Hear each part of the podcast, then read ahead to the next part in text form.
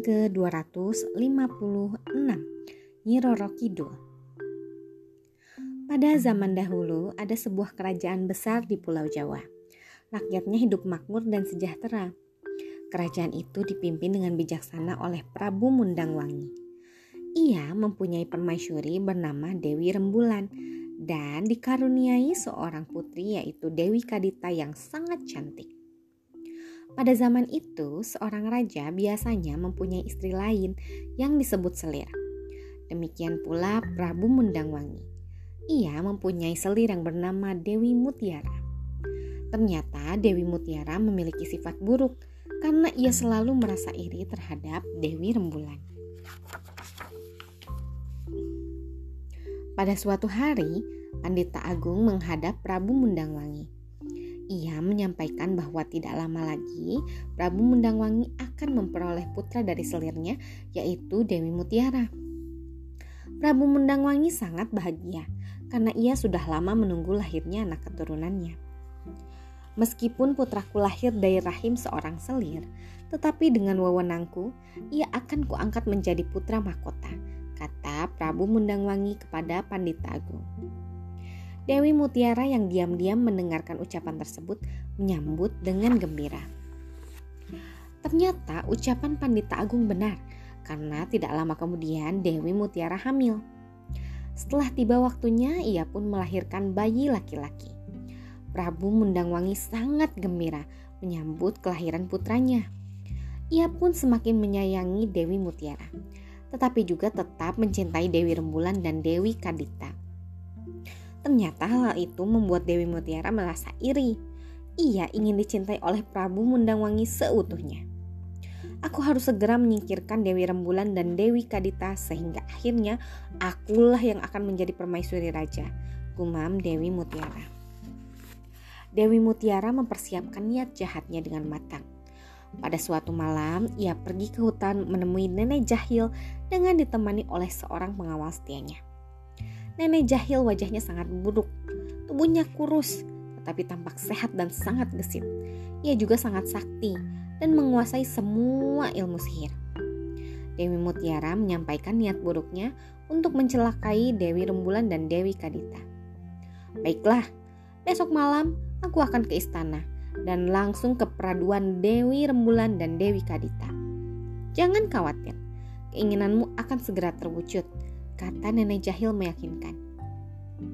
Mendengar kesanggupan nenek jahil, maka Dewi Mutiara langsung memberi sekantong emas sebagai upah jasanya. Pada malam yang ditentukan, nenek jahil memasuki istana Prabu Mundangwangi. Karena kekuatan sihirnya, maka tak seorang pun mengetahui kedatangan nenek jahil yang leluasa masuk ke peraduan Dewi Rembulan dan Dewi Kadita. Nenek jahil kemudian membaca mantra penenung untuk memanggil setan agar membantu rencana jahatnya. Setelah selesai, ia membungkuk dan meniup wajah Dewi Rembulan dan Dewi Kadita yang sedang tertidur lelap.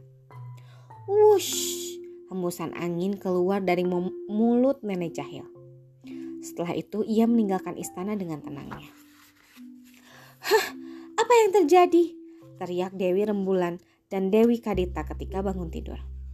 Sekujur tubuh mereka dipenuhi borok dan kudis yang mengeluarkan bau busuk. Oh, apa dosa kami sehingga tubuh kami menjadi begini menjijikan? Tatap mereka tiada henti. Seketika seluruh penghuni istana menjadi gempar. Prabu Mundangwangi merasa sedih, bingung, dan kesal menjadi satu. Pandita Agung dan para tabib didatangkan untuk menyembuhkan penyakit yang menimpa permaisuri dan anaknya. Sayang sekali tak seorang pun berhasil menyembuhkan mereka. Karena khawatir penyakit yang menakutkan itu menular, maka Prabu Mundangwangi segera memerintahkan pengawalnya untuk mengasingkan mereka ke hutan. Aku tidak mau istana ini dikotori penyakit yang menular dan menjijikan itu. Mereka harus dibuang jauh-jauh dari istana. Perintah Prabu Mundangwangi kepada para pengawalnya. Akhirnya, pada suatu pagi, Dewi Rembulan dan Dewi Kadita dimasukkan ke dalam dua tandu besar dan ditutup kain dengan rapat. Kemudian dibawanya menuju hutan belantara. Setibanya di hutan, kedua tandu itu dibuka dan para pengawalnya langsung lari meninggalkannya. Dewi Rembulan dan Dewi Kadita baru menyadari bahwa mereka bukan dibawa pergi untuk diobati, tetapi dibuang di hutan. Dewi Kadita menangis karena tak tahan menanggung kesedihannya. Anakku, jangan menangis. Kita harus berpasrah diri kepada Sang Dewata. Ini mungkin cobaan yang harus kita terima, kata Dewi Rembulan menghibur putrinya. Dewi Kadita berusaha membuang kesedihannya dengan berjalan menyusuri hutan. Tak lama di hutan itu Dewi Rembulan kemudian sakit dan semakin lemah. Akhirnya ia menghembuskan nafas terakhir di pangkuan Dewi Kadita. Dewi Kadita sangat sedih ditinggalkan ibunya. Tubuhnya semakin kurus dan penyakitnya semakin parah.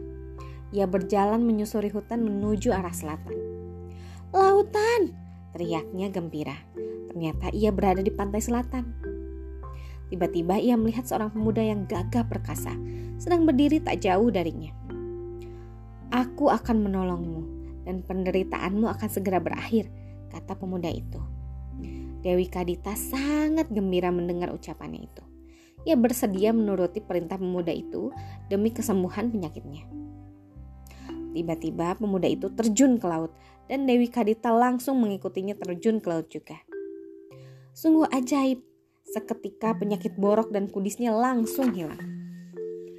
Dewi Kadita sangat gembira mengetahui ia telah sembuh dari penyakitnya dan ingin mengucapkan terima kasih pada pemuda itu. Anehnya pemuda itu hilang, lenyap entah ke mana. Dewi Kadita tersadar bahwa ia sudah sekian lama ada di dalam laut tetapi tidak tenggelam. Kemudian ia melihat kedua kakinya dan sangat terkejut melihat apa yang terjadi terhadap dirinya. Hah? Teriaknya melihat kedua kakinya telah tertutup sirip sehingga menyerupai ikan. Dewi Kadita akhirnya berusaha pasrah akan nasibnya. Ia kemudian hidup di Laut Selatan dan sekali-kali menantap, menampakkan diri. Konon, penduduk sekitar pantai selatan kadang melihat putri cantik berambut panjang yang bagian pinggang sampai ke ujung kakinya menyerupai ekor ikan. Orang-orang menyebutnya Nyai Roro Kidul sebagai penguasa pantai selatan.